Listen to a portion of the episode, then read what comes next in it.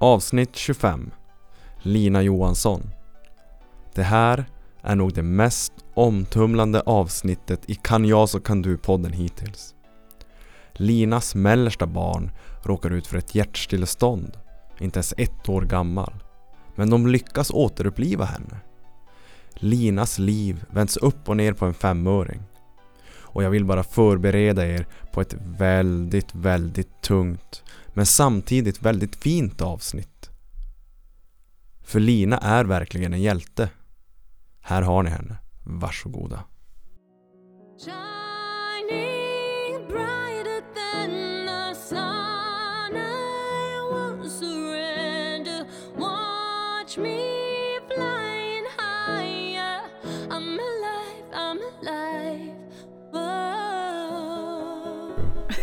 Det får bli öppningen. Kan vi inte bara köra?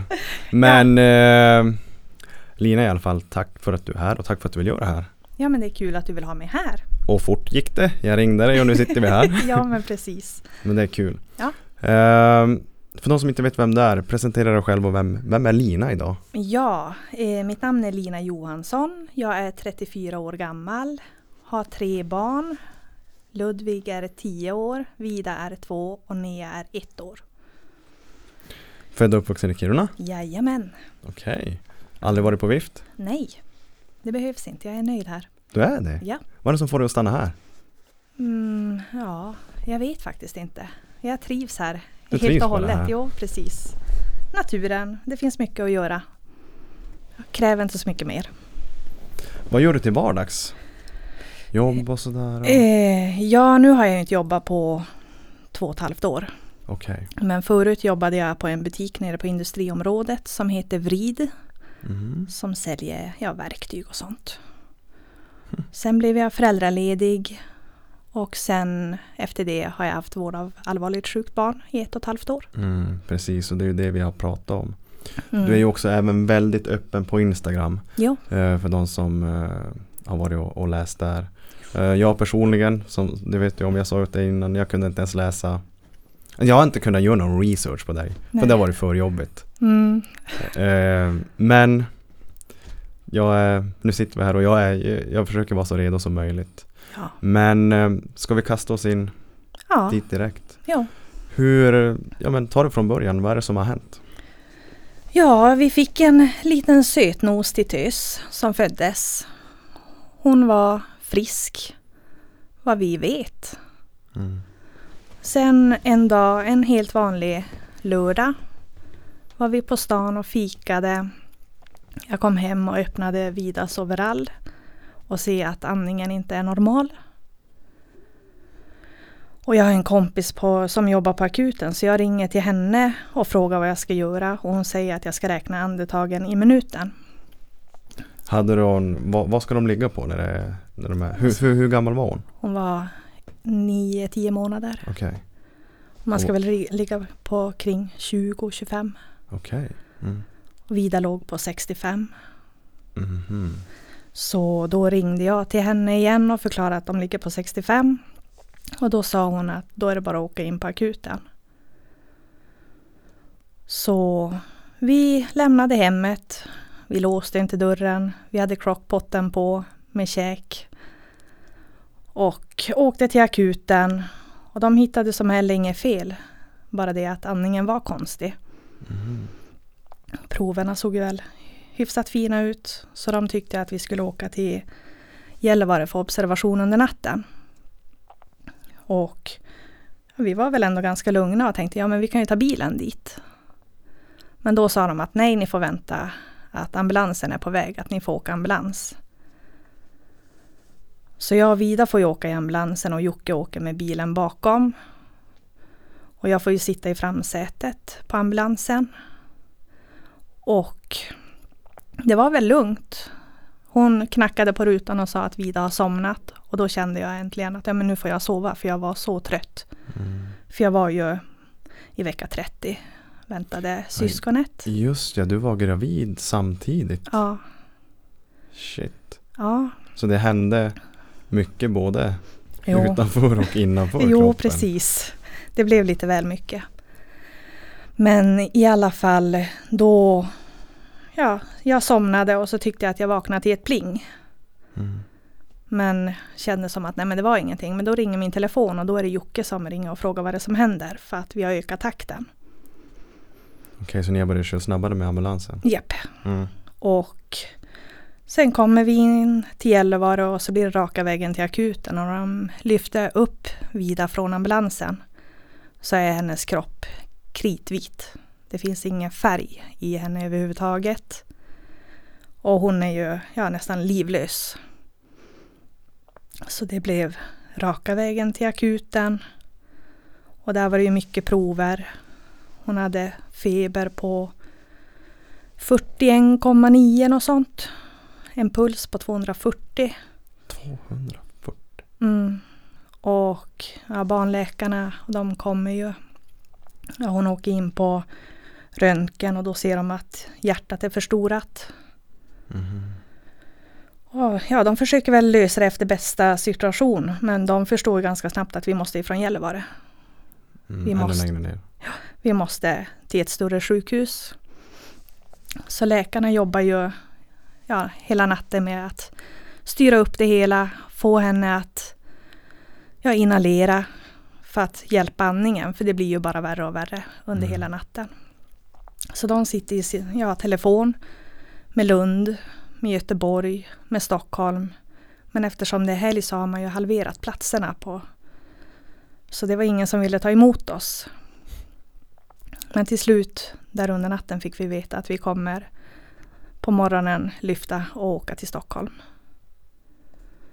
Och vi har även narkosläkare, två stycken som är med oss och håller ett öga på Vida.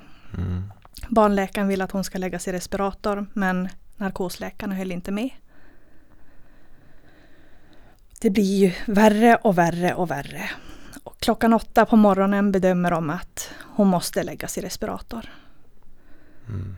Och ja, hon ligger i min famn på sängen. Vi har ju syrgasmask, vi har ju tuber runt omkring. Allt det ska flyttas till IVA. För det är där hon ska läggas i respirator. De rullar våran säng.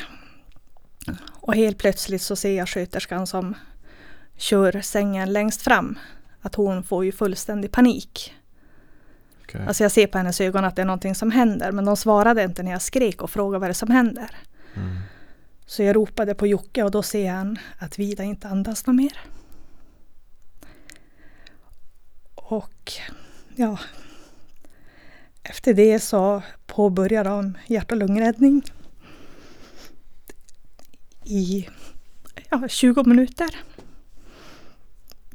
Och ja, de 20 minuterna är ju jag det absolut värsta som kan hända.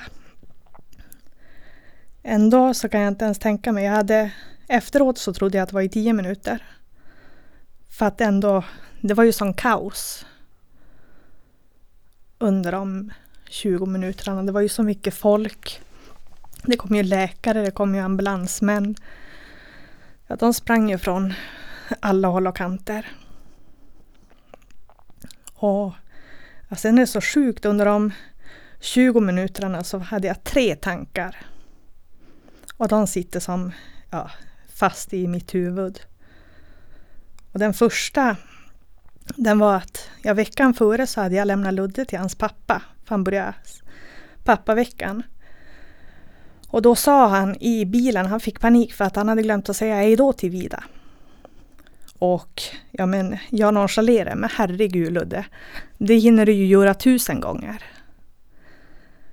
Och ja, det var ju inte så självklart något mer. Du klandrar dig själv kanske lite grann där eller?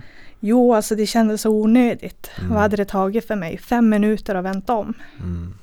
Men jag gjorde inte det. Och sen tänker man ju, ja hur ska man kunna få ett nytt barn när man ska begrava sitt? Och även tanken att ja, jag vägrar begrava mitt barn.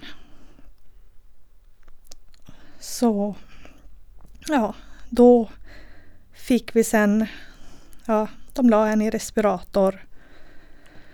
Och där satt vi i några timmar och väntade på att de skulle komma från Karolinska Solna och hämta oss med flyg. Det var ju bara jag som fick följa med med flyget. Jocke fick ju sätta sig på ett vanligt flyg några timmar senare. Och det var också så fruktansvärt. För jag vill inte vara den som säger till Jocke att hans barn har dött. Mm. Så... Mm. Men vi kom till Solna. Och ja, vi visste att vi skulle till Stockholm men jag hade som ingen aning om någonting. Och det här ordet BIVA har jag läst på Facebook och Instagram alldeles för ofta. När du har ett riktigt sjukt barn, riktigt sjukt, då hamnar de på BIVA. Och ja, vi går ju med båren med respiratorn, hon ligger i en kuvös. Och de visar oss upp och så ser jag på dörren att det står BIVA. Och då fattade jag att nu är det illa. Nu är det riktigt, riktigt illa. Och ja, de tog in henne på ett rum och jag fick sitta i ett glasrum. Och jag hade ju ingen aning om hur länge det skulle ta innan jag fick gå in till henne. Och vad jag har gjort under den tiden har jag ingen aning om men det har i alla fall gått närmare sex timmar. Och Jocke kom ju också till slut. Jag tror vid nio på kvällen fick vi gå in till henne. Och den synen. Ja, det var hårt. Det var ju, hon hade kyldräkt på, respiratorn nere i halsen. Det var nålar, det var slangar. Man såg inte mycket utav huden. Och man såg i stort sett alla maskiner som höll henne i liv. Och där låg hon. Ja. Vi, det enda vi kunde göra det var ju att sitta där. Och vänta. Och hoppas. Det är ju jobbigt. Det var ju... Ja, hur mycket vi än ville byta plats med henne så var det hennes sex kilos kropp som skulle bestämma hur den här fighten skulle gå. Och läkarna de förklarade ju för oss, de var ju väldigt måna om att vi skulle förstå hur illa det var. Att det fanns en chans att hon var hjärndöd. Och ja, hur tacklar man sånt? Ja, Är det, eh, trodde de att hon skulle vara hjärndöd för att hon... eh, på grund av syrebristskadorna i hjärnan. Mm. De såg ju på MR-röntgen att det var ja, jättemycket skador. Så de förklarade ju för oss. Och de var ju väldigt måna, eller de ville verkligen att vi skulle förstå att det är illa. Okej. Men du vet, till slut börjar man ju hata dem. Mm. Så direkt man såg dem så visste man att nu kommer de att sparka en i ansiktet.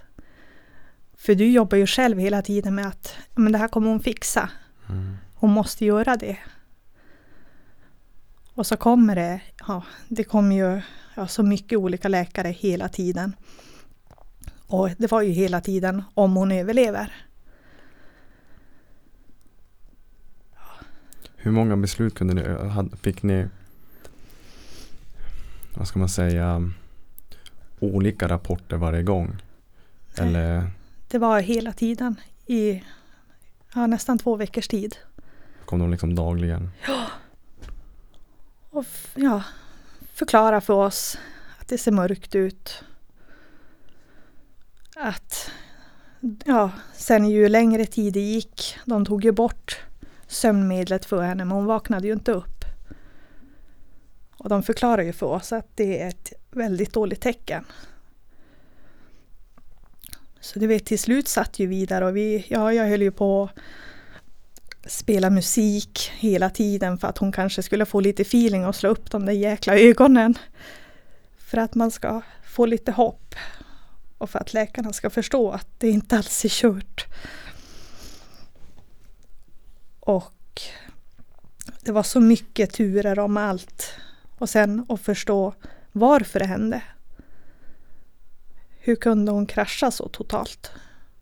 Och det är ju svårt att se efter ett hjärtstopp för då är det ju alla organ i kroppen är ju trasiga. Levern var ju förstorad. Hjärtat var förstorad. Njurarna var i jättedåligt skick. Alltså det, det blev ju multiorgansvikt. Men ja, vi fick ju bo på hotellet där mitt emot. Det var ju också så sjukt från att aldrig ha varit ifrån henne. Mm. Så ska du ja, lämna henne där. Och du visste inte vad som skulle hända under natten.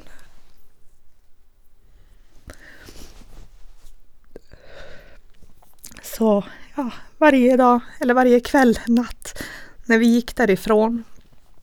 Ja, vi pussade henne och förklarade hur mycket vi älskar henne. Och att vi ska ses imorgon. Men vi, visste ju inte om det var sant. Och sen när man låg där på hotellet också, det kändes ju så sjukt att du ligger i en skön säng medan ditt barn ligger där borta. Och ja, man var ju livrädd när man hörde steg utanför dörren. För att ja, du tänkte ju att de, ja, de kommer komma med beskedet nu att hon har gått bort. Ja, som tur var så kom ju inte det beskedet. Sen Dagarna lunkade ju på. Men man blir ju helt knäpp. Alltså man har ju som ingen koll på vad som händer kroppen när den är i totalt kris. Jag vet, jag kunde ju gå till Hemköp och skulle köpa våra mikromat. Alltså vägen svajade. Jag gick alltid förbi ett fik och där satt folk och skrattade och var glada. Och, alltså det är ju så sjukt. Men då ville jag nästan bara skrika åt dem. Att sluta vara glad. Världen rasar. Det låter sjukt nu. Men då var det ganska logiskt.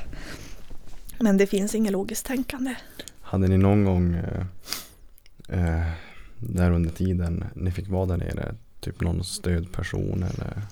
Jo, alltså det kom ju. Det var ju också så hemskt. Direkt du visade dig ledsen, vilket man alltid var när man kom in på rummet. Då är de ju snabba med att ringa till kuratorn. Okej. Mm. Och ja, vad är det man brukar säga? Det är inte fel på dem, det är fel på mig. Men jag kan inte riktigt prata med en kurator. Jag kan tänka mig att det är jävligt svårt att prata i, i det stadiet man är i. Jo, Som, som, eh, som du och Jocke var i då. och det är ju så. Det är ju som från person till person. Jag vill inte ha någon som sitter och smeker på mig och tycker synd om mig.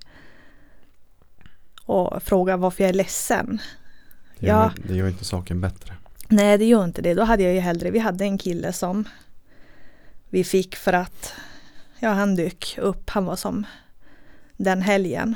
Och han var ju, han var rak på sak, förklara vad som händer i kris, vad man ska tänka på. Och det är sånt jag behöver. Mm. Kom ihåg att äta, kom ihåg att dricka, kom ihåg att kramas. Alltså sådana där saker. Precis. Egentligen självklara saker, men det är vettigt Mm. att få en påminnelse om. Så nej, det är svårt. Fick Jocke vara där nere hela tiden? Jo, Eller, ja. jo, vi var där.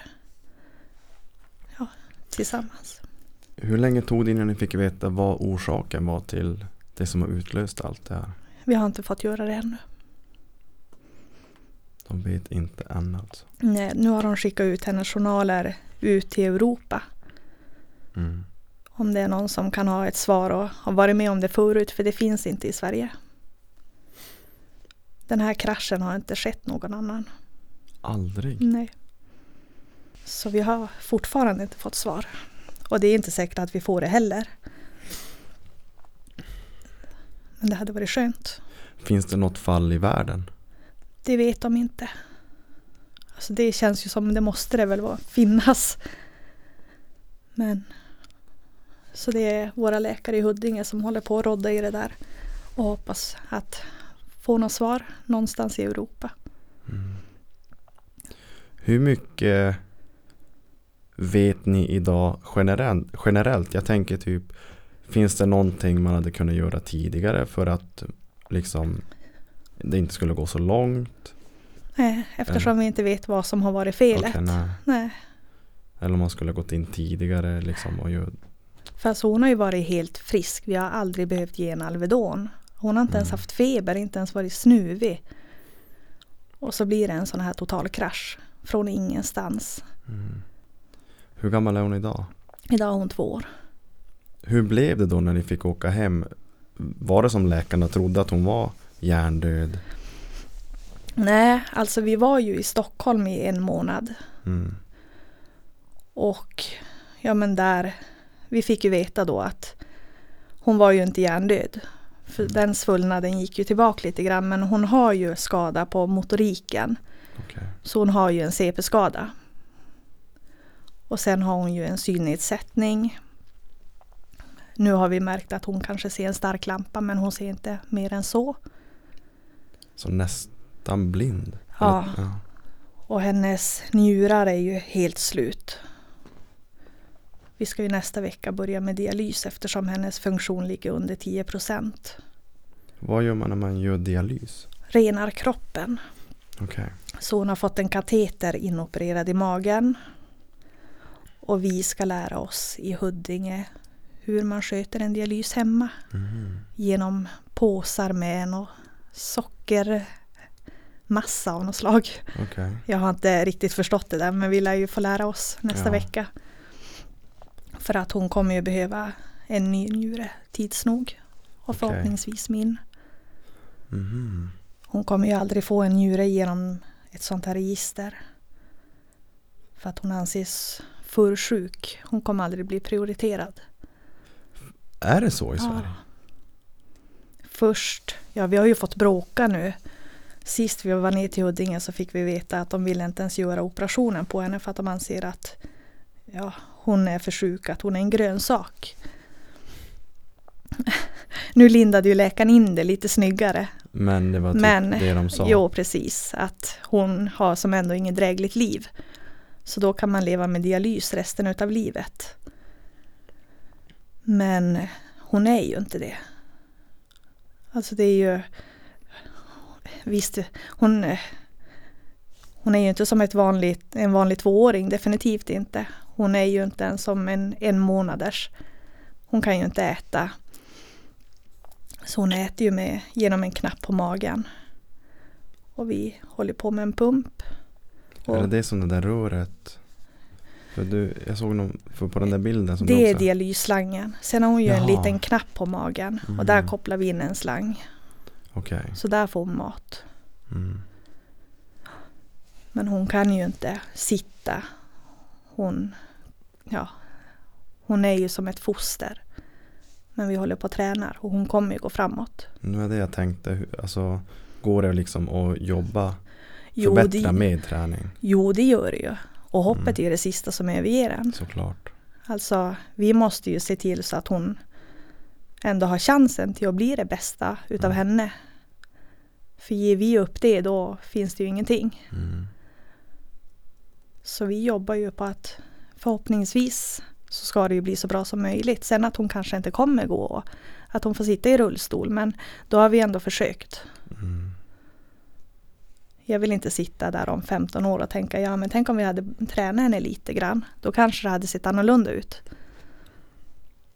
Jag vill ju veta att vi har gjort vårt yttersta. Jag tror att det är, är man en sund förälder så tror jag att man tänker så. Man gör allt i sin makt. Jo, man gör ju det.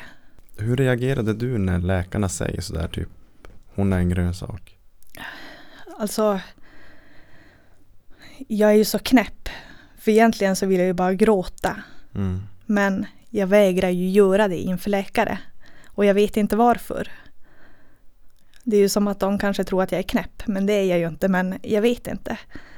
Jag blir ju ganska stum okej. och sen kan jag, ja men ge mig tio minuter, sen blir jag ju förbannad. Mm. För att det stämmer ju inte. Man kan inte se på ett barn i fem minuter när hon ligger och sover i vagnen och avgöra att hon är en grönsak. Det funkar ju inte så. Gav du dem en utskällning? Nej, jag gjorde inte det. Du Men inte det? jag pratade med vår hemläkare som fick förklara ett och annat så vi pratade och då kunde jag ta det lite lugnt och sen pratade jag med läkaren där i som hade sagt det och ja, hon förfinade det lite grann och bad lite om ursäkt. Okej. Så det var ju skönt. Mm.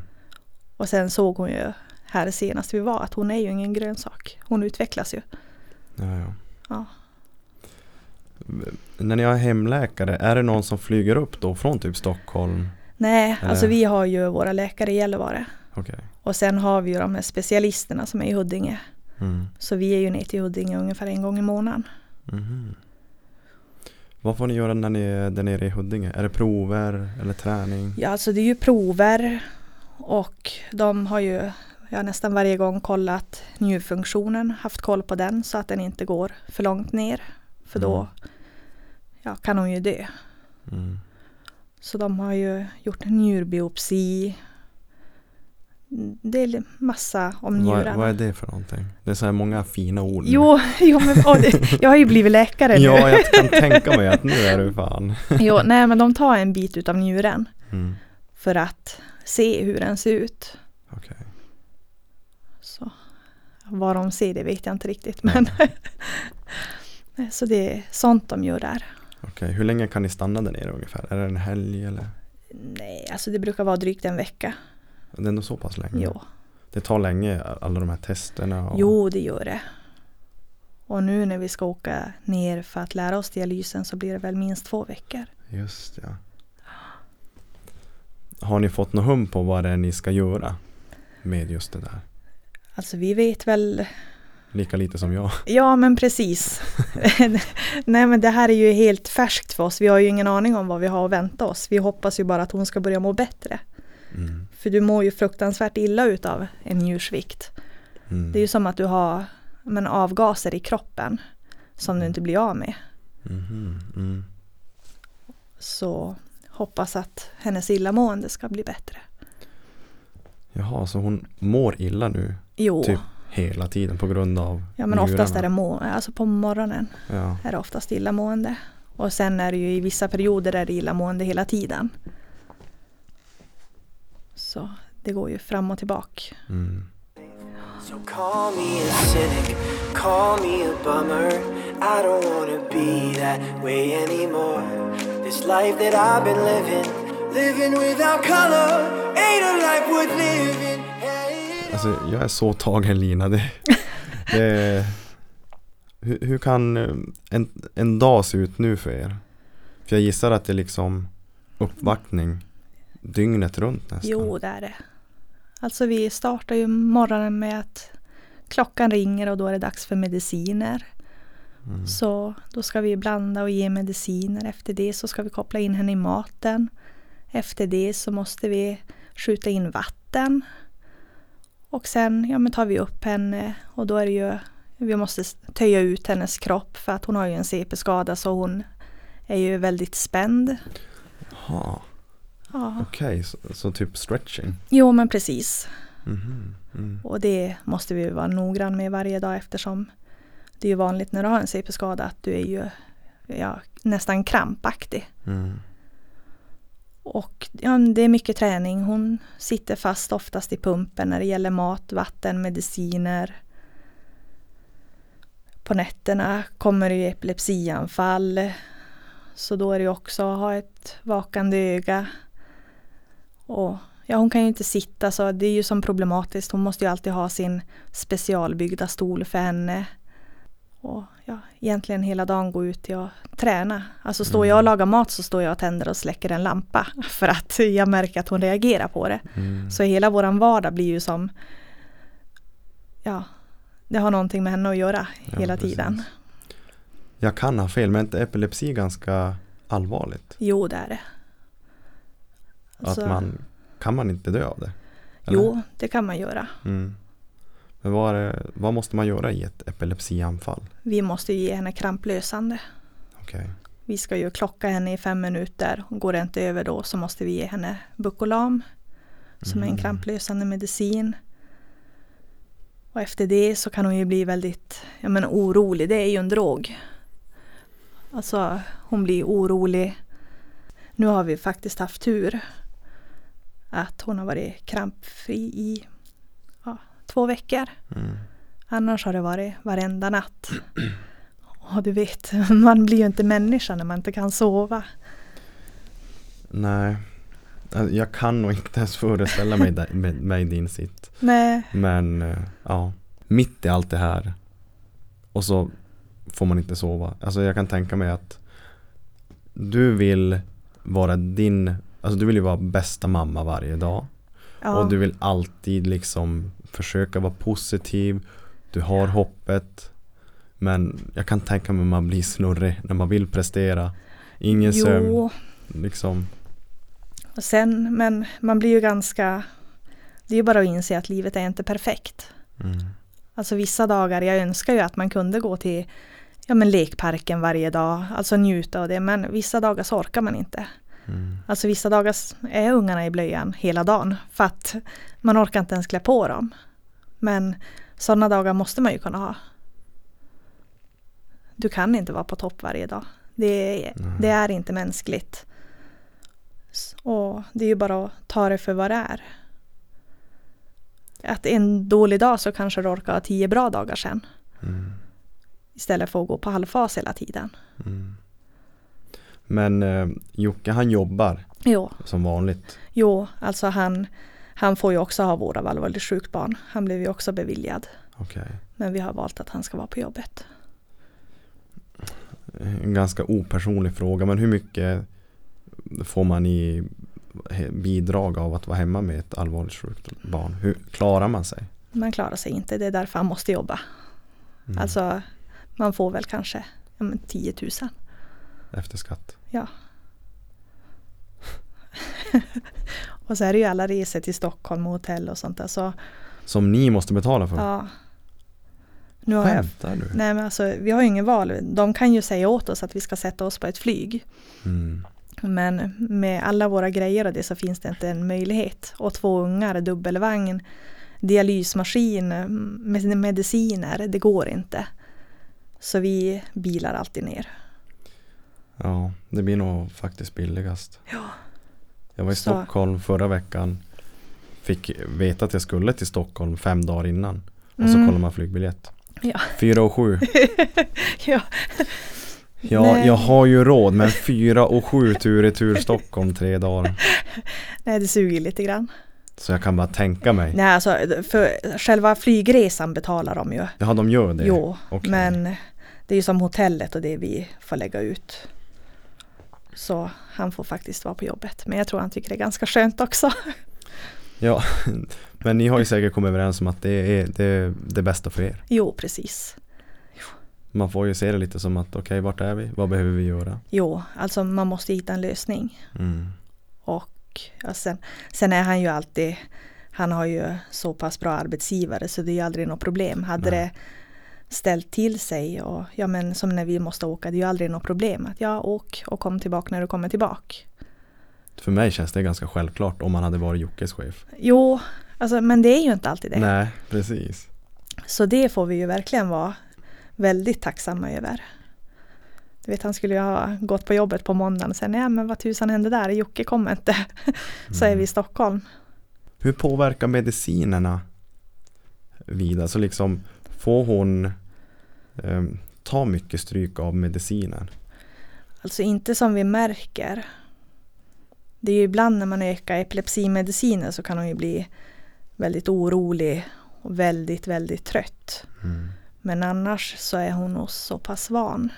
Okej. Hon har ändå gått på så starka mediciner och så mycket mediciner Mm. så länge. Ja, varför jag frågar bara för att jag tänker att när man är så ung liksom Mm. att kroppen kanske inte är så pass stark och kan ta emot men, men det kanske, de kanske är så pass starka att det, det ger bra effekt. Ja, alltså, ja, jag tror det. Ja. det är ju, sen är det ju det att det är så oroande med henne att man märker ju aldrig ifall det är något fel för hon är ju alltid en solstråle. Mm. Hon är ju alltid så lycklig och livet är alldeles underbart. Mm. Alltså, hon tänker inte på att livet blev jättejobbigt. Mm. Utan hon är ju bara överlycklig. Hon blev ju till och med en kändis där i Stockholm. Jaså. Ja, för att hon återhämtade sig så pass bra. Så den här läkaren som jag verkligen ogillade, som verkligen ville att vi skulle veta hur allvarligt det var. Sista dagen i Stockholm när vi skulle flyga till Umeå, då kom han förbi och jag kände ju direkt att men herregud, har vi inte kommit över det här? Att vad ska du nu såga oss med? Mm. Men då kom han förbi att ja, men jag har haft semester men jag har hört om Vida att jag måste bara få kolla på våran kändis. Att, kan det stämma att hon ligger och skrattar? Och det stämde ju. Så då hatade jag inte han så mycket något mer. då blev vi kompisar. Undrar varför läkare gör sådär? Att de är men lite grann kalla. Jo. Är, är de så avtrubbade av sitt arbete? Alltså det är det jag funderar på för de är fruktansvärt kalla. Alltså innan jag hade kunnat gå och säga till någon att ditt barn dör förhoppningsvis. Alltså vet du, jag hade ju kapat av mina armar och fötter. Förhoppningsvis. Nej, men herregud. Tro, alltså typ kan... Ja, troligtvis. Ja, jag, Ja, troligtvis. Jag tänkte vad fan han man, man hade ju inte kunnat gå till en förälder och säga så. Mm, Men de är som maskiner precis. och rör inte en min. De kanske är avtrubbade och inser, eller de har sett för mycket. Mm. Det är Men- dagligen säkert. Jo, Kanske inte just ert fall men... Ja men... nej men sådana saker ser de. Jo, precis. Jo, där på BIVA är de nog van med allt. Mm. Är det fullt på, på en sån där avdelning? Är det mycket typ sjuka barn eller liksom sitter man som i ett väntrum eller på, i, något, i, i någon eh, ja, i något slags kontor eller någonting där det sitter fler ledsna föräldrar? Nej. Eller utanför avdelningen, för på avdelningen du får ju inte sitta och dricka kaffe på rummet. Och du får inte äta. Mm. Utan där har du ett rum, det är alltid en sköterska där inne. Och barnet får aldrig lämnas ensam. Mhm. Inte ens om de ska gå på toaletten, då måste de ha en annan sköterska som är där. Mm. Och där inne är det ju väldigt stelt och sterilt och du ser ju som egentligen inte vad som händer runt omkring. Mm. Och sen Okej. finns det ju ett matrum där utanför vars du har möjlighet att värma din mat. Och där träffade man ju andra föräldrar. Ble, var det sådär att man kunde typ prata om sina tragedier med de andra eller är man lite för sig själv? Nej, alltså jag träffade en annan mamma och vi Mm. pratade väldigt mycket. Alltså vi kunde träffas utanför sjukhuset också bara för att lätta våra hjärtan. Jag kan tänka mig att det är prata. ganska skönt. Jo men det är Alltså, ju det det, för att Mm. de är ju i samma situation som du själv. Mm. Att fast folk runt omkring en försöker förstå vad man går igenom så går det aldrig. Och jag menar då har jag en mamma som går med, eller hon är ju precis vars jag är. Och Mm. hennes dotter svävar också mellan liv och död. Mm. Så hon mår ju som jag. Och fast det är tragiskt så är det ju ändå skönt att kunna prata med henne om det. Det blir ju så. Ja. Vad var det som fick er att känna För du nämnde ju att Men du hoppades ju hela tiden att hon kommer Hon kommer vakna, hon, hon kommer liksom överleva det här Mm. Har du någonting som Alltså liksom höll er starka och vågade hoppas hela hela tiden Nej, egentligen inte. Det, det blir kanske lite överlevnadsinstinkt Alltså Jo, det kommer inifrån bara Jo, precis. För det fanns ju inget tecken överhuvudtaget. Det fanns det ju inte. Så det enda du kunde göra det var ju att hoppas för du kan ju inte liksom sitta där och tänka ja men hon kommer dö. Och så sitter du där, det går ju inte. Du måste intala dig själv för att själv orka. mm. För det kommer jag ihåg när de frågade, det hade gått nio dagar sedan jag hade hållit henne i, hand, alltså i famnen. Och på morgonen så var jag helt förstörd över att jag inte hållit mitt eget barn. Mm. Så kommer vi till avdelningen och då frågar sköterskan att ja, men jag tänkte att vi pratar med en annan sköterska så kommer hon hjälpa så får du ta henne i famnen. Du vet jag blev så chockad. Jag bara jo jag ska bara springa på toaletten. Så låtsades jag vara på toaletten men jag höll på att gråta ihjäl mig. Mm. Alltså det blev sån chock att jag skulle få hålla mitt barn igen. Fast hon låg där bland alla slangar så var de ju ja, men tre, fyra personer som rådde ihop så att jag kunde ha henne i famnen. Ja, svårt att ens förklara känslan. Jag har ju själv en dotter som är sju och, och lite när, av din berättelse så börjar man ju tänka i Men tänk om det var jag Ja, Tänk om Jo. det var Mary Men det går ändå inte att sätta sig in nej, och det är nog bra det. ja. Alltså, man vill inte sätta sig in i... Det är, alltså det är inte mänskligt. Och det är så sjukt för det finns så mycket sjuka barn i Sverige. Så det är lite orättvisa över det hela tycker jag. Det känns lite som, eller jag kan tänka mig att det är så här att Men föräldrar som har friska barn Barnens kompisar är bara friska barn Alltså jag kan tänka mig att man är ganska avtrubbad och den här friska men bara friska barn runt omkring sig hela tiden Ja. Jag tror att man måste vara med om någonting Till exempel i ditt fall eller någonting annat för att kunna Ja men Få den här uppskattningen Jo, det tror jag faktiskt. För du ser ju på livet med helt andra ögon. Alltså nu krävs det inte så mycket för att jag kan alltså, verkligen få pirr i magen av lycka. mm. Och det behöver inte vara något speciellt. Det kan vara att vi sitter i, på altanen i solen i Poltsa. Det behöver inte vara mer än så, bara att vi, vi är alla där och vi mår bra. Mycket mer krävs inte. Så där har man verkligen blivit förändrad på det viset. Mm. Och det måste jag ju säga att det är ju ändå något positivt. Ja, men det är ju det oftast Ur sådana här tragedier så Är man stark så Så brukar man kunna Njuta av livet lite bättre Det låter Mm. lite hemskt att säga Jo, men det är ju så. Det är ju verkligen så. mm. Du sitter ju inte och gnäller, ja, men som man kanske hade gjort förut, att åh vad tråkigt, man får inte åka utomlands i år. Mm. Alltså, nu är jag glad om vi slipper sjukhus på sommaren. Mm. Behöver vi inte vara inlagda, ja men då är det ju frid och fröjd. Så synen på allting har egentligen ändrats. Säkert samma för Jocke också Jo, visst är det ju så. Det är det verkligen.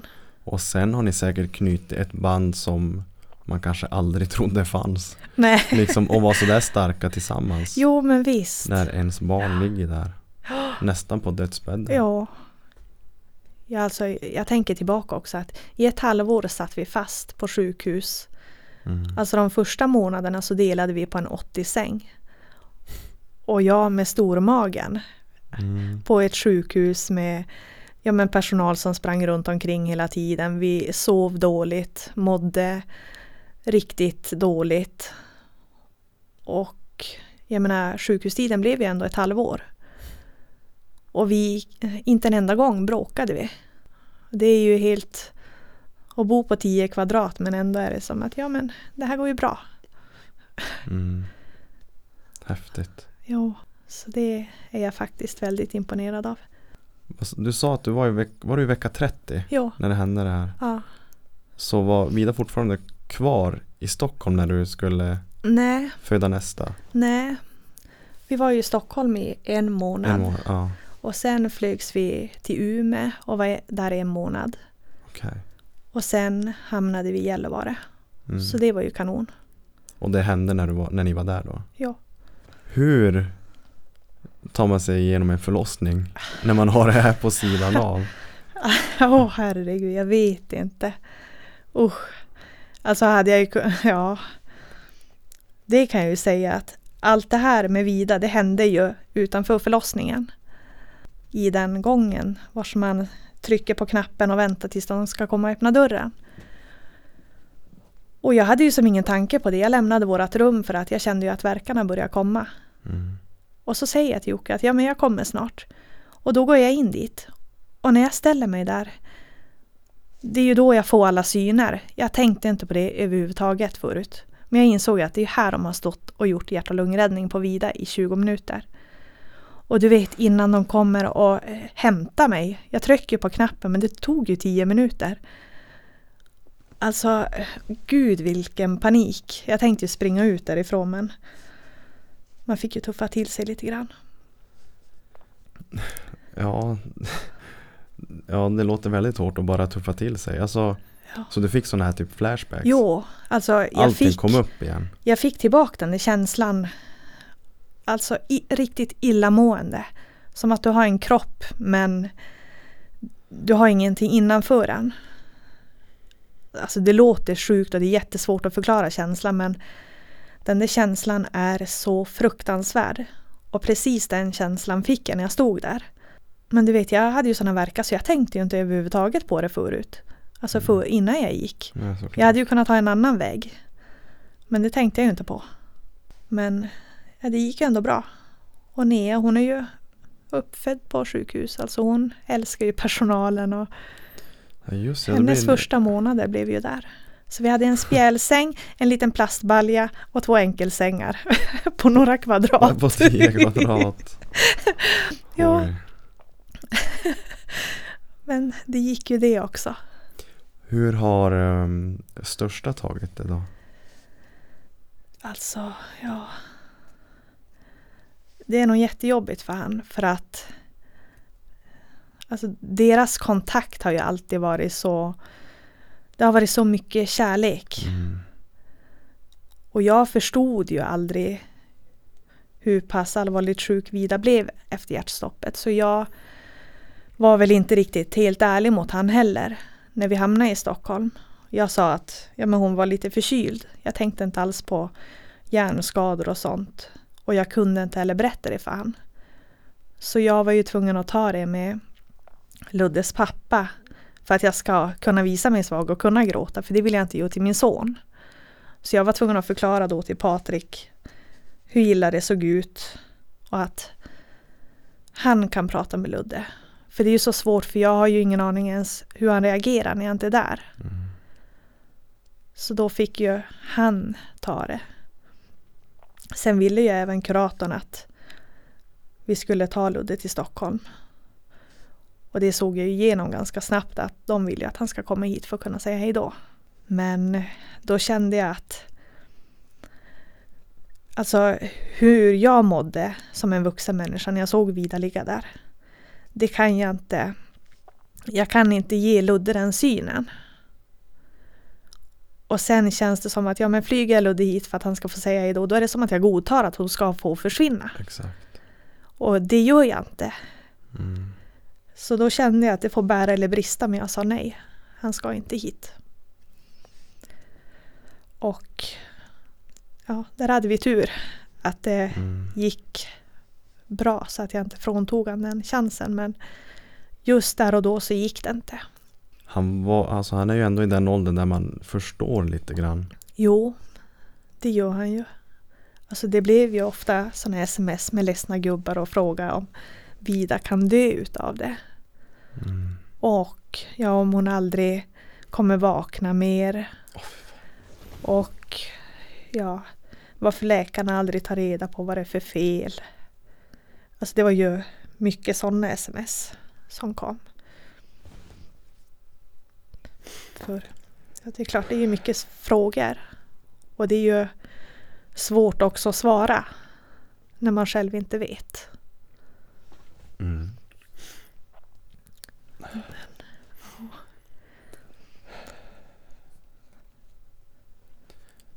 Ja, han vill ju såklart säkert bara försöka förstå. Jo visst. Och ja, men nu är han ju som ändå medveten om att ja, men vi har ju förklarat att ja, men Vida kommer ju mest troligt börja gå på en särskola. Och han vill ha ett tvåvåningshus i Pålsta. Då har vi förklarat för honom att men Vida kommer ju mest troligt sitta i rullstol. Att vi kan inte ha tvåvåningshus. Så vi försöker ju ändå så att det inte ska bli en chock för han. Att ja, han redan nu ska kunna bearbeta.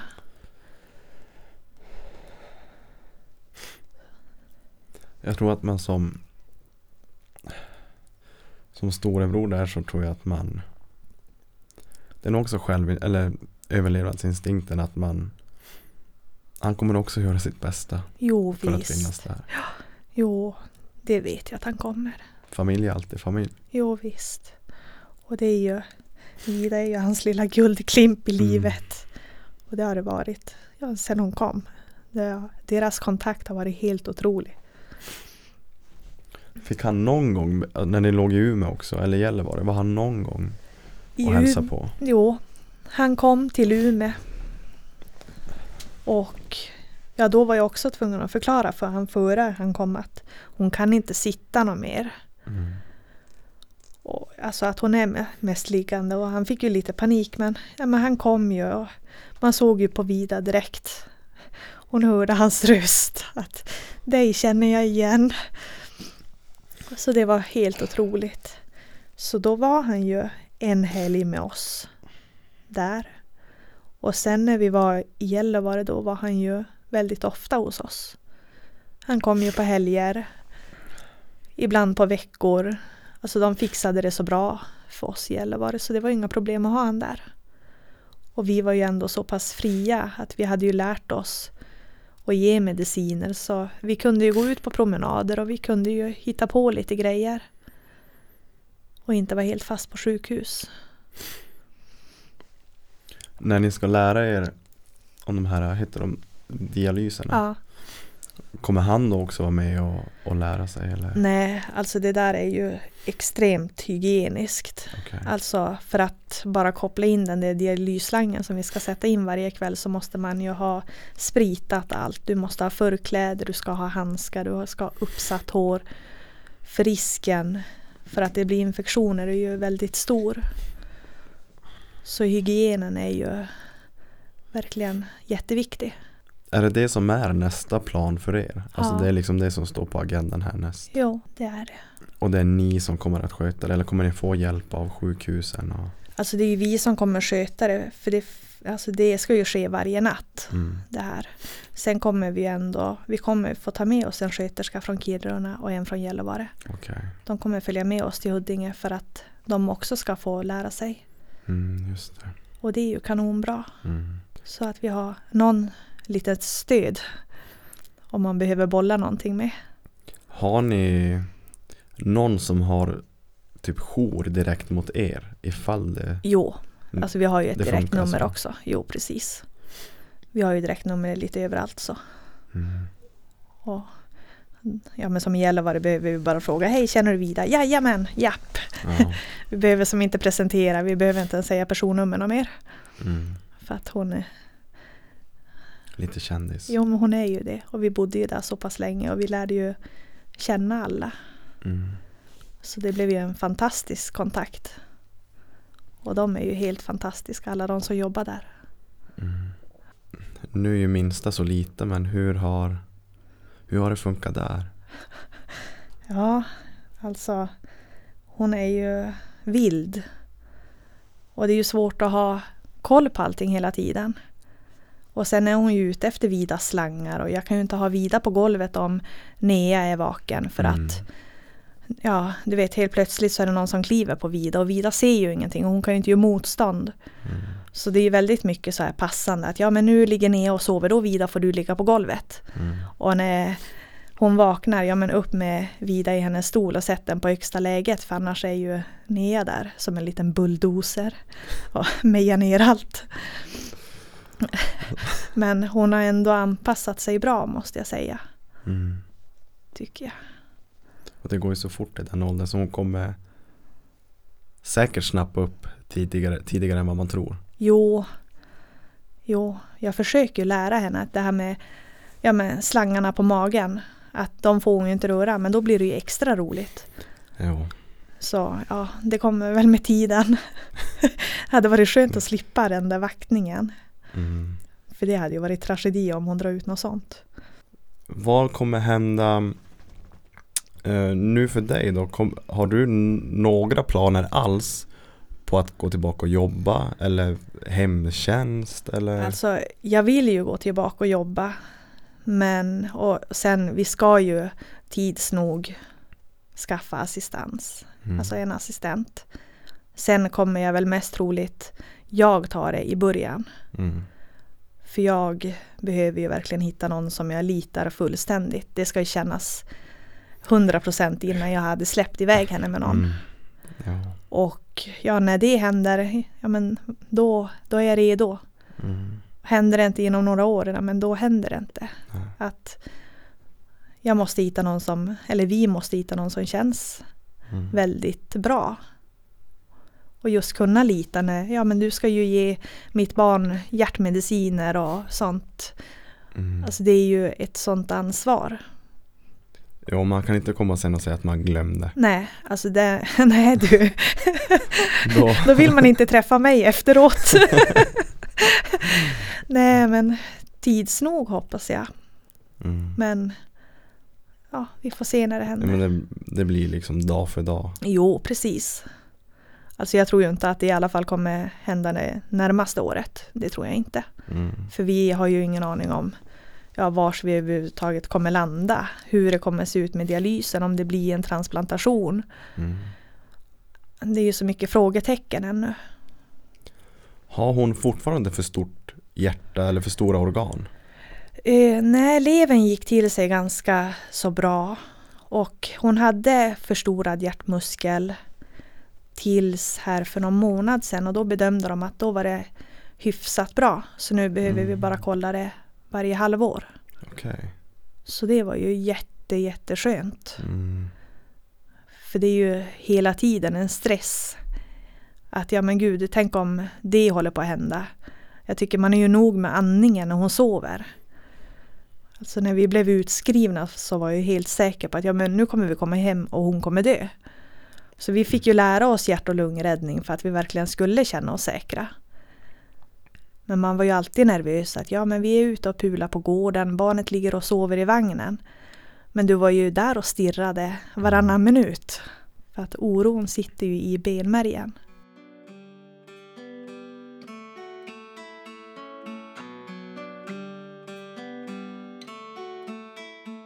Vad fick ni för, eh, eller vad sa läkarna när de, när de liksom, när de skickade hem er?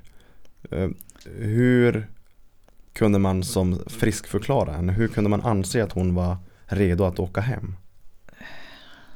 Alltså, de ansåg väl mer att hon är redo att åka hem när vi kan allt.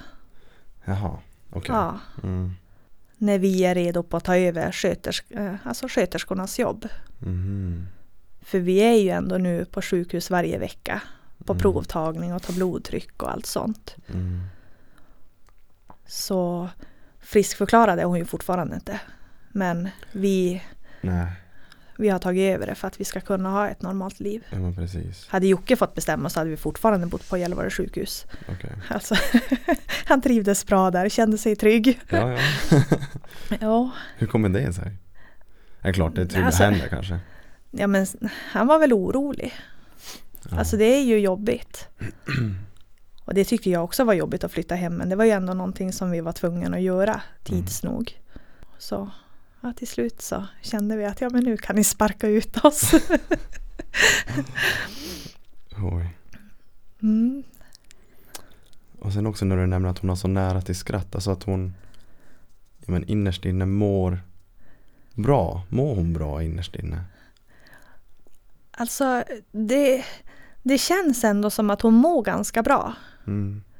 För att jag hade tyckt att det var fruktansvärt om man hade märkt att hon hade mått dåligt, Eller lider av till jo, exempel smärta? alltså, eller? lider. Mm. Det, hade, vet du, det hade gjort så ont. Men hon gör ju mig så lycklig varje dag för att du vet man vaknar halv fyra på morgonen. Lucky lördag, ja. Alltså med hennes positiva röst så är hon bara alldeles underbar. Mm. Och så där är det hela dagarna. Hon gråter aldrig, hon är bara så glad. Och jag kan sitta i köket och leka titt ut med Nea och Vida ligger i sovrummet och ligger och skrattar. Mm. För att hon hör att vi leker. Jag tror ju inte att... Jag tror att hon mår ganska bra. Eller så är det det att hon är van med så mycket avgaser att hon kommer må mycket, mycket bättre sen. Mm. Undrar om det också kan skynda på kanske utvecklingen? Ja, absolut. Det var ju därför de sa nu också att nu kör vi igång med dialysen för att så att hon ska kunna nå sin fulla potential. För det, är ju, det kan ju verkligen hämma Mm. om kroppen mår så pass dåligt och har så mycket avgaser. Så då kan det ju verkligen ge en skjuts sen när hon blir av med dem. Mm. Och det hade ju varit helt fantastiskt att se. Mm, Du vet, man blir ju gråtfärdig för minsta lilla framsteg. Mm, Som nu har hon börjat greppa med händerna och det är ju helt otroligt. mm, Sånt som, men herregud vad är det med det? Det är ju normalt. Nej, för oss är det inte normalt. mm. För oss är det jättestort. I och med all den här tragedin och resan. För du har ju väldigt nära till skratt idag Lina. Ja. Alltså man, du kommer in i huset och liksom full av energi och ler och är glad. Och, Mm. men då undrar man ju, hur har du kommit på fötter igen? Ja, för det första så har du ingen val. Mm, Alltså du kan ju välja att sänka dig själv. Eller så ställer du dig upp och du kämpar, du ser positivt och du hittar din terapi på något vis. Vad kan det vara för dig? För mig har det faktiskt blivit, och det är tack vare min sambo, så har jag ja, men börjat träna. Mm, Och det är ju ett perfekt direkt, man börjar känna sig lite låg. Ja, då kör vi ett träningspass. Vi sticker ut och springer. Vi ja, men, hittar, alltså, rör på sig helt enkelt. Det är så enkelt.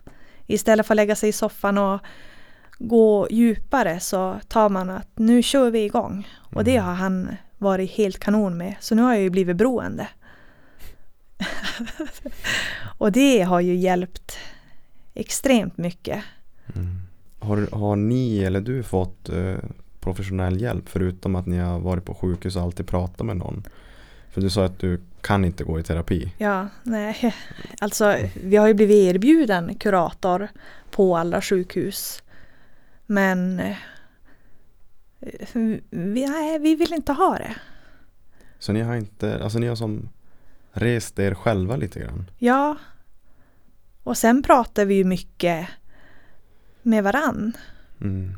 Och sen har ju jag även, jag Jockes styvmor. Hon är ju inte utbildad kurator men det skulle hon ha blivit. Mhm. För hon är helt fantastisk att prata med. Så henne har jag pratat jätte, jättemycket med. Mm. Men bortsett från träningen då, att det har blivit en drog. Mm. Finns det någonting annat? Liksom som Hur tar man sig upp på fötter? Träning är ett jättebra liksom ja. tillvägagångssätt. Det hjälper ju liksom enligt forskning typ 90% någonting i, i typ alla fall. Alltså liksom Mm. över 90% av fallen så hjälper det vad, vad du än lider av. Ja. Så kommer träning hjälpa dig på fötter igen. ja, alltså det är ju helt fantastiskt. Och man märker ju stor skillnad bara från första gången. Att ja men det här var ju kanonbra, så här kör vi. Mm. Men annars, alltså jag tror att det är mycket inställning också. Verkligen. Att bestämma sig. Och visst, det är ju inte så att Jo, oftast är jag positiv men jag kan ju, även jag kan ju få de här slängarna. Just, ja men känslan kan komma tillbaka Mm. på lite olika saker och helt plötsligt.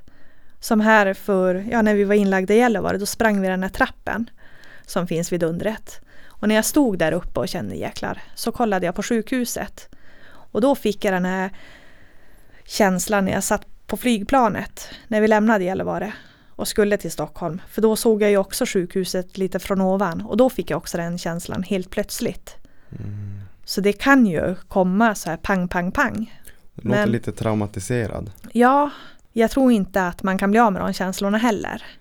Nej, jag tänker att om det är liksom ett trauma så kommer det säkert sitta i. Ja, Eller så är det en del av bearbetningsprocessen. ja precis. Att det är så din kro- kropp fungerar när du bearbetar allting. Jo, För man måste ju få bryta ihop. jo visst. Och sen, jag hade ju jättemycket minnesluckor Mm. från början. Men ju längre tiden går, desto mer kommer tillbaka. Förut när vi var i Stockholm hade jag aldrig kunnat ana vilka som var med oss under hjärtstoppet. Men nu så vet jag ju att ja, men det var dem och dem. Och nu har jag ju lite mer koll på läget. Mm. Så det kommer ju tillbaka mer och mer. Och det är ju också, alltså man måste ju bearbeta för det det som hände, alltså kroppen flippar ju ut helt totalt. Mm. Hur länge tog det innan du kunde få typ rutiner igen? Äta. Alltså det försökte vi ändå. Är klart, ni, du hade ju någon där som sa åt er? Jo. Du berättade att ni hade en, en bra som Ja, ät. det tyckte jag ändå att det jobbade vi bra med. Alltså när hon låg på BIVA. Och det var ändå, du vet, i- när man sitter i det där rummet, det är fullt med folk. Du har en pall att sitta på. Du behöver gå ut Mm. från det rummet. Ja men då var det bra, vi sätter oss i köket och äter. Så jag tycker ändå, ja från dag två så hade vi rutiner. Ja. Det var ju faktiskt viktigt, vi var tvungna att äta och dricka oavsett hur dålig, alltså ibland så växte det ju i munnen men du var ju tvungen att få i dig. Mm. Ingenting blir ju bättre av att du ska gå med hunger också. Och sen tänker jag också om du känner att du har en dålig dag du kan som inte låta den känslan ta över lite Alltså du får inte gå och hänga läpp nu. Alltså, du står ju verkligen framför att ja, men, allt ska göras annars, kan det gå riktigt jävla snett. Så om du har en dålig dag, sover dåligt eller har dåliga tankar. Mm. Du, du, jag kan tänka mig att du du får ju ha det men du kan inte acceptera dig själv och ha det. Utan du måste ju hela tiden vara där, jo, finnas precis. Ja. där. Och, och lite det jag vill komma fram till är väl att trots att man känner sig bara fan jag vill inte stiga upp idag. Så har ju inte du något val. Nej, alltså så har man ju känt. Jag helst, har ganska nyligen för två veckor sedan när det var Stockholm och så kom vi hem och så fick vi magsjuka hela familjen och sen blev vi inlagda i Gällivare. Då var jag så slut och då kände jag verkligen att jag orkar inte kliva upp men medicinerna måste in. Mm. Det är ju bara så. Så du måste ju vara hur stark som helst. Så, Fast du inte ens orkar vara stark så måste du vara stark. jo, alltså det finns ju inget val. Nej. Alltså det, men det är ju kroppen som är fantastisk. Mm. Vi tål ganska mycket. Jo men det gör ju det och sen sitter det ju mycket i psyket också. Mm. Jag menar, sitter du och tänker negativa tankar hela tiden, då blir du negativ. Mm. Du kan ju spela ganska mycket med den själv. Mm. Tänk att ja, men vad fast, det här är lätt som en plätt. Nu kör vi. Och så kör vi. Så du har blivit ganska bra på att eh, själv motivera dig lite grann. Jo, jo, men det har jag. Jag måste säga att jag är proffs på det. Mm. Den kognitiva förmåga som det heter. Jo, men precis. Häftigt. Alltså, jag vill att alla som lyssnar, alltså trots allt ni har varit med om, så är du egentligen helt funktionell. Du är glad, du, du skrattar. Var Alltså, du lite rädd när jag skulle komma? Och- Och nu kommer en sån där grådaskig litet Absolut Spöke. inte. Men jag, men jag hade väl velat få lite din syn på livet. Mm. Alltså, du, du uppskattar ju de här små, små sakerna. Ja, Men alltså liksom i det stora hela så det är helt underbart att du kan sitta här och skratta. Tänk hur jävla missnöjda folk det finns där ute. jo, alltså det är ju det som kan göra mig lite irriterad. Mm. som gnäller över Åh, vi hade bara fyra veckors semester i år och vi kunde bara vara i Sverige. Ja men, var glad för det. Du hade semester och du kunde vara i Sverige och ni kunde bada, sola och ha det härligt. Mm. Alltså, det finns så onödigt gnäll. Vad hade du sagt till någon om det satt någon där i soffan som bara gnällde på allt? Med dina ord, med din prägel Lina. Vad har du att säga till de som bara fan inte tar hand om livet? Åh, kan du inte hålla käften? Och Ja. sen då? Att nu får det vara nog. Att, ja men, det finns ju faktiskt folk som gnäller över precis allt. Mm. Alltså som hittar fel hela tiden. Men de måste ju gå in till sig själv. För det är ju faktiskt där missnöjet sitter från första början. Mm. Mm. För jag, jag tycker inte att det ska behöva hända. Men om det sitter en människa där som är sjukt missnöjd med allt.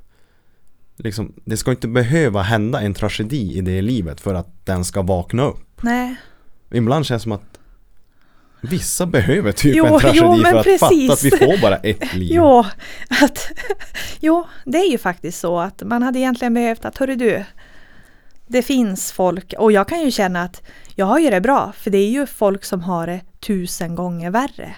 Som Mm. har förlorat sina barn, som har förlorat två barn. Mm. Alltså, jag har det bra.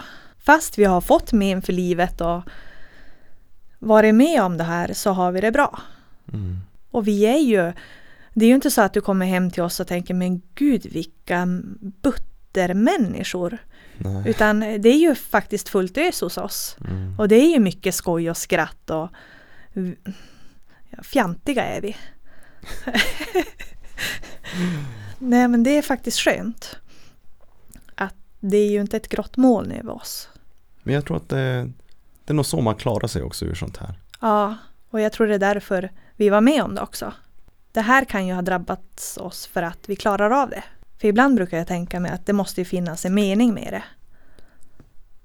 Det kan ju inte ha hänt helt i onödan. Du, tror du på ödet? Ja, Att typ allt händer av en anledning? ja alltså, jag, jag försöker tro på det. Jag hoppas att det här inte bara var något värdelöst. Mm. Utan att det är någonting som kommer ur det. Mm. Och då kan jag tänka mig att ja, men då kanske det finns ett barn som har föräldrar som inte hade klarat av en sån här grej. Och så finns det vi. Och så händer det här oss för att vi klarar av det. För att de inte hade klarat av det. Mm. Det kanske låter konstigt men jag försöker tänka i de banorna. För att vi klarar ju verkligen av det. Mm. Jag, jag brukar tänka lite grann i, i samma spår att vi är nog med om, om saker för att vi måste vara med om det. Ja, Kanske inte måste, det är, låter dumt att säga att ni måste vara med om det här.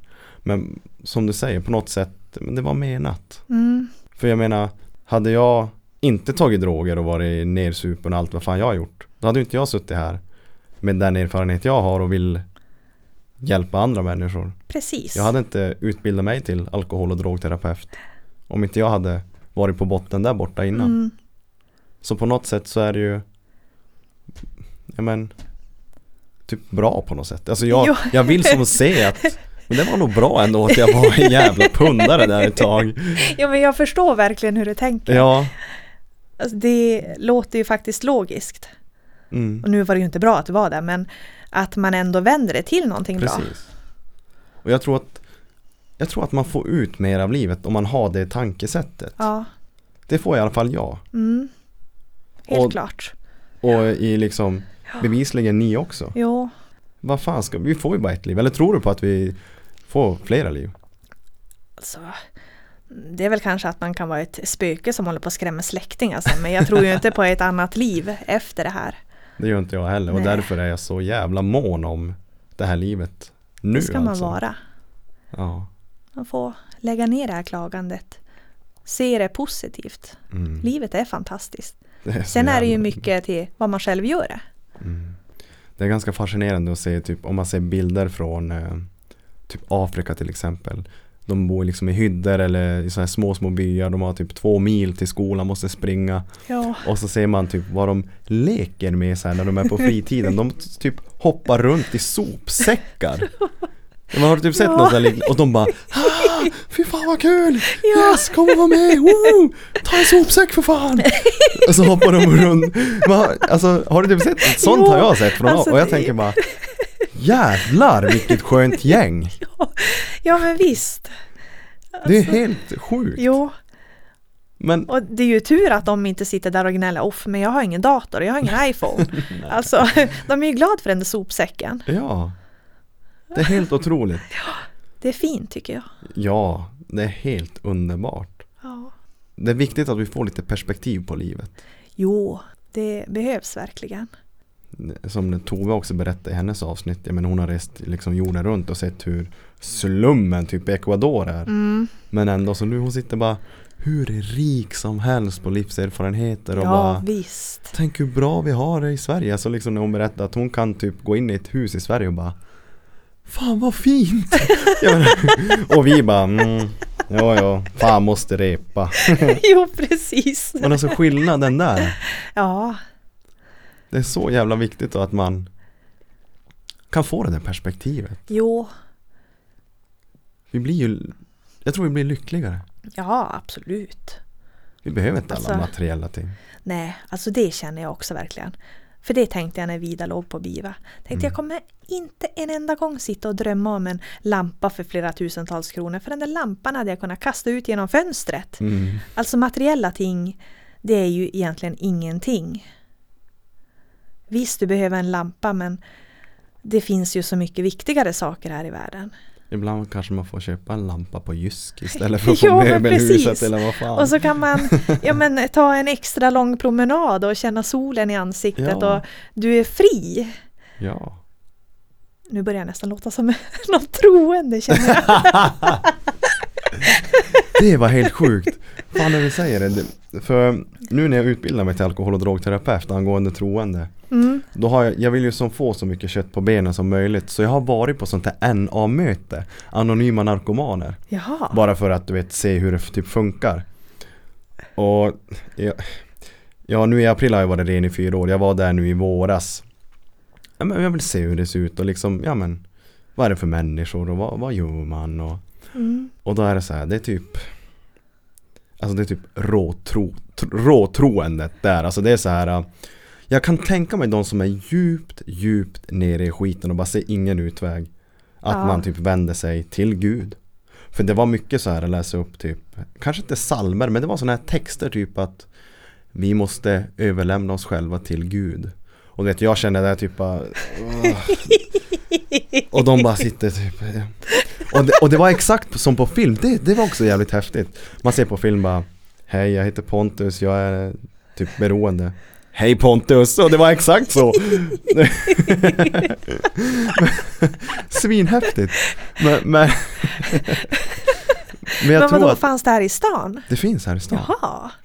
Nu kommer jag inte ihåg om det är typ onsdagar Om du är beroende och hör typ onsdagar, kolla det går att googla Men det är verkligen så, och det var verkligen sådär äh, Ja men troendet, alltså hur Alltså hur starkt det kan Mm. vara för någon som kanske inte har någonting annat Nej, men alltså det är ju...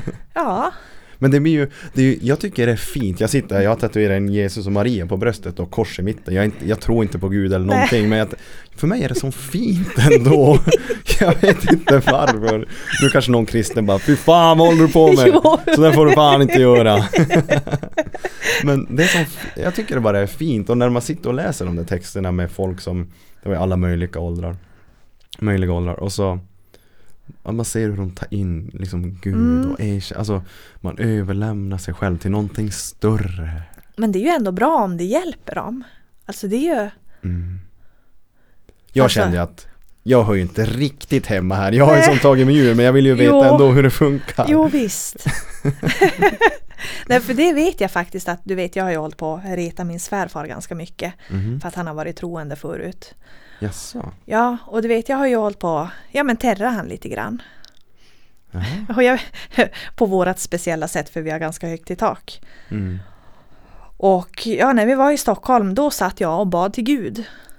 Mhm.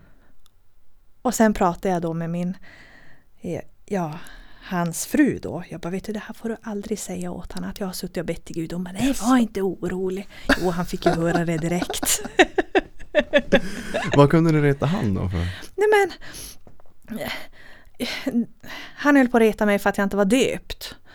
Jaha. Och jag var så här, nej men herregud, vad ska jag, varför ska jag bli döpt för? ja. Alltså för mig var det, och du vet jag vill inte döpa ungarna. Så vi har ju haft våra diskussioner. Mm. Så, och jag ska inte säga för mycket för att vi har väldigt högt i tak. ja. Men det är ju inget illa menat. Mm. Så. Men han har vänt om, han är inte troende idag? Mm. Jaha. Ja. Fan vad häftigt, men hur kommer det sig?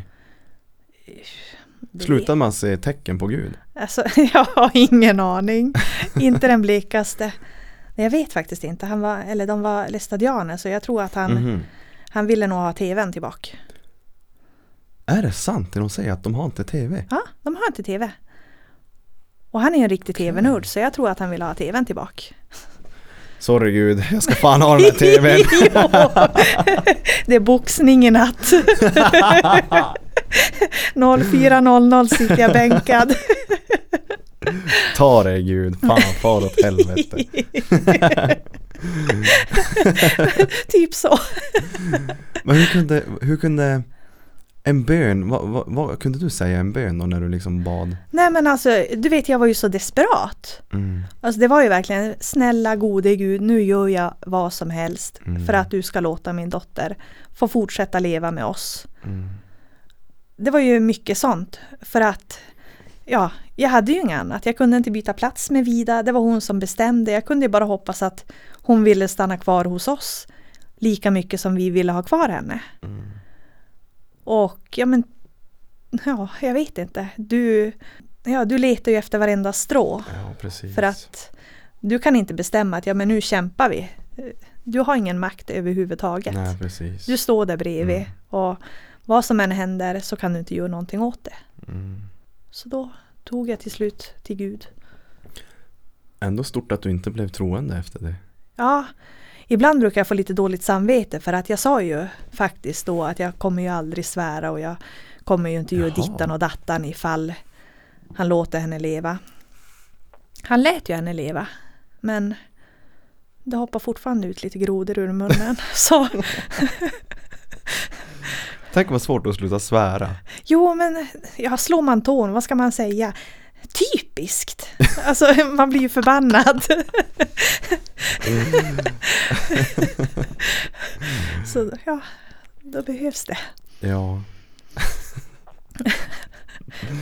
So call me a cynic, call me a bummer. I don't wanna be that way anymore. This life that I've been living, living without color, ain't a life worth living. Men Lina, har du... Nu har jag frågat dig vad du skulle sagt åt en som är missnöjd om livet. Mm. Men om du får säga allmänt bara tips och tricks om livet. Jag brukar prata om det här med alla i podden. Att man men sätt din prägel på hur vi typ borde, inte borde vara som människor. Men hur vi ska kanske se upp till saker och ting. Uppskatta saker mer. Bara tips och tricks om livet. Oj. Alltså, för det första så kan man ju alltid försöka se saker från den ljusa sidan. Att ja, du möter på en motgång här, men vad kan vi göra för att lösa det? Vanligtvis så kan det vara så enkla medel som faktiskt fixar till det. Synen är ju så himla viktig. Att försöka se det från den ljusa sidan. Och det är ju så enkelt egentligen. Det är bara det att man kanske mest hamnar på den negativa. Men hoppa över till den positiva sidan. För livet är ju fantastiskt. Du har ett liv. Ja men lev det. Sitt inte där och var missnöjd över saker och ting. Hatar du ditt jobb? Men säg upp dig. Det finns ju oftast nya jobb. Speciellt här i Kiruna. Ja men hatar du din cykel? Ja men kasta den åt skogen och promenera. Jag vet Mm. inte. Jag tycker egentligen att allting går att lösa. Mm. Sen finns det ju sådana som inte ser lösningar. Och jag vet inte om jag har så bra svar. Nej. Men, men du har ju liksom kommit till ett läge där du, du uppskattar ju det minsta lilla. Jo, alltså ibland är det nästan pinsamt. Varför det? Ja men, för jag kan ju bli riktigt sådär, ja men fnittrig. för minsta lilla sak. Mm. Det märkte jag som här när jag var på Coop. Och så såg åh det här låter ju pinsamt. Fram med. Nej, men, och jag hade ju letat efter de där vaniljhjärtarna Ja. hur länge som helst och så hade de. Och det vet jag, jag blev så glad så jag bara Ja men helfjantig, tänkte men herregud vad håller jag på med? Lina. Det är tur att jag alltid går och handlar ensam. ja men sådana där små struntsaker. Mm. Så, Ja men det är ju du. vaniljhjärtan är ju gott. Ja, fan vad gott det är. Och du, du är första gästen som kommer Men fan Pontus, ska du ha en Nocco? Jag Ja. menar Fan vad söt du är. Men skulle inte ha fest eller? Ja. Det blev, en, blev lite tårfest här. Men du vågar inte för att du kanske rapar. Ja precis, nu får jag skämmas här. Ja. Nej fan kolsyra, jag. Tror många känner mig, jag har stöttning där. Inte när man ska spela in podd, då blir det ingen kolsyra. Men hur många gånger har jag rapat ännu? Du är ett underbarn Eller så är det för att jag har pratat så mycket och inte hunnit dricka jag, någonting. Nej jag har inte sett dig, en gång har du druckit typ Ja. Det är för att jag bara kacklar hela tiden. Du har, vikt, eh, du har viktiga saker att säga Och vi får se sen hur mycket som har kapats bort. Än så länge känner jag att vi Podden med kör Lina Johansson är 15 minuter max. Nej men jag Känner du att det är någonting du hade velat typ tillägga och, ta upp att det här kanske var ett viktigt skede i, i eran händelse eller? Inte vad jag kan komma på, nej. Ja, Alltså det är ju så mycket som händer hela tiden. Mm. Det är ju... Alltså det är nog, för det första så går det ju inte att sätta sig in vad ni har fått gå igenom. Och för det andra så, din kropp, Jockes kropp, alltså det har ju varit i ett stadie som vissa aldrig ens kan hamna i. Nej. Så jag tror att det är svårt att kanske ta upp, ja men just det där eller just det där. Mm. Utan ni har ju lite som kanske gått på ångorna. Ja, Jo. Varit i, i någon slags bubbla. jo men precis. Det... Ja, man var inte riktigt med fast man var där. Ja. Jag- är jättetacksam och glad att du vågar öppna dig. Det var faktiskt skönt att jag lyckades. Fast Ja. jag var lite gråtmild där i början men det gick bättre än vad jag trodde. Jag är, det är ju- otroligt tagen av din berättelse. Det har du säkert sett också på Jo, mig. jag har gjort det. Ja. ja, det är, Det är bra med män som kan visa känslor. oh, jag är så känslig. Jag kan för fan inte ens se en film utan att böla. Det är så pass. Ja, jag kan... Är det riktigt sorgligt då... Typ, har du sett Fast and Furious-filmerna? Kan de vara sorgliga? Men skojar du eller? Är du också en av de som hatar dem? Ja, eller jag har ju, jag har ju bara sett att det är såna här värstingbilar. Sen har jag inte orkat se något mer. Vadå, gråter du åt dem? Det som var hemskt, jag har gråtit en gång. Paul Walker dog ju. Ja just det, på riktigt. Han dog ju på riktigt. Mm. Och då så gjorde de ju sjuan till han. Så att de gjorde ju som slut, slutet av filmen var ju som tillägnat Paul Jaha. Walker. Och har man varit som jag, Die Hard fan liksom till, alltså jag hade kunnat dö för Fast and Furious. du vet, och se Paul Walker och så gör de värsta minnesstunden till den Ja. där When I see you again. Ja, Na, na, uh, ja men Då då, sådär. förstår jag. Då blir det, ja, uh, och jag såg den på bio. Åh, då vet, då blir det, oh. Men det är här. faktiskt förståeligt. Jag tänkte om någon står där och ska ha en Ja. street race. Nej. röda bilen vann! Nej! Nej, så just det skedet var faktiskt, det var, till sådana grejer kan jag gråta åt. Ja, men det, det är helt okej. Eller typ om det är barn med i filmer. Åh, Jo, alltså det där klarar inte jag heller av. Usch, usch, usch. Jag får panik direkt det handlar om barn. Jo. Det är någonting när man är förälder. Jo, man blir ju... Jo, Man blir helt avtrubbad. Jo. Usch, varför ska de blanda in barnen i det här? jo men precis. Vad som helst men inte barn. Nej men så är det. Mm. Nej men som sagt Lina, alltså jag är otroligt berörd av din historia och jag är så glad. Och jag vill bara fråga dig, sista frågan är ju vad gör du om fem år och drömmar och sådär. Men jag tänker av respekt för dig så Mm. behöver inte du svara på den frågan. För vi vet ju alla nu vilken sits du sitter i. Nej men jag har ju ändå drömmar. Mm. Så du behöver inte vara mesig. Förlåt, vi kör. Kom Eh, igen. Nej men om fem år så hoppas jag att Vida har fått en njure utav mig. Mm. Att hon har fått en assistent som är helt fantastisk.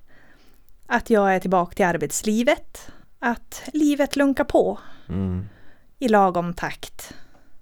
Att vi inte möter på fler missöden. Mm. Att det är lugnt och tryggt. Det hoppas jag på. Mm. Som du ser så har jag inte så höga.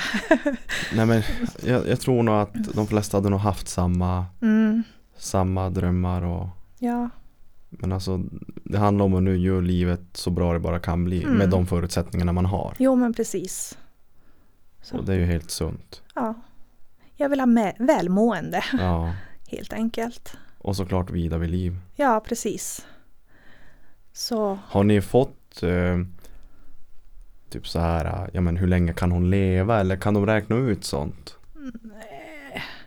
alltså får hon en ny njure då, då finns det ju potential. Men sen är det ju det att när de inte vet vad som fick henne på fall Mm. så är det ju inte omöjligt att det händer igen. Jaså? Jag sa, vi vet ju Ja, inte vad som nej. hände. Och då, det är ju inte helt omöjligt. Så eh, vi vet inte så mycket men det är ingenting som vi tänker på heller. Nej. Utan vi tar dag för dag. Mm. Vi är, alltså som Jocke också brukar säga varje kväll att jag tänk att vi fick behålla henne. Mm. Alltså det är, det är vi så, så tacksamma för. Mm. För livet hade kunnat se så fruktansvärt annorlunda ut. Mm. Alltså, vi hade kunnat ha haft en begravning samtidigt som en förlossning. Alltså det, usch, mm. så jag är glad. Mm.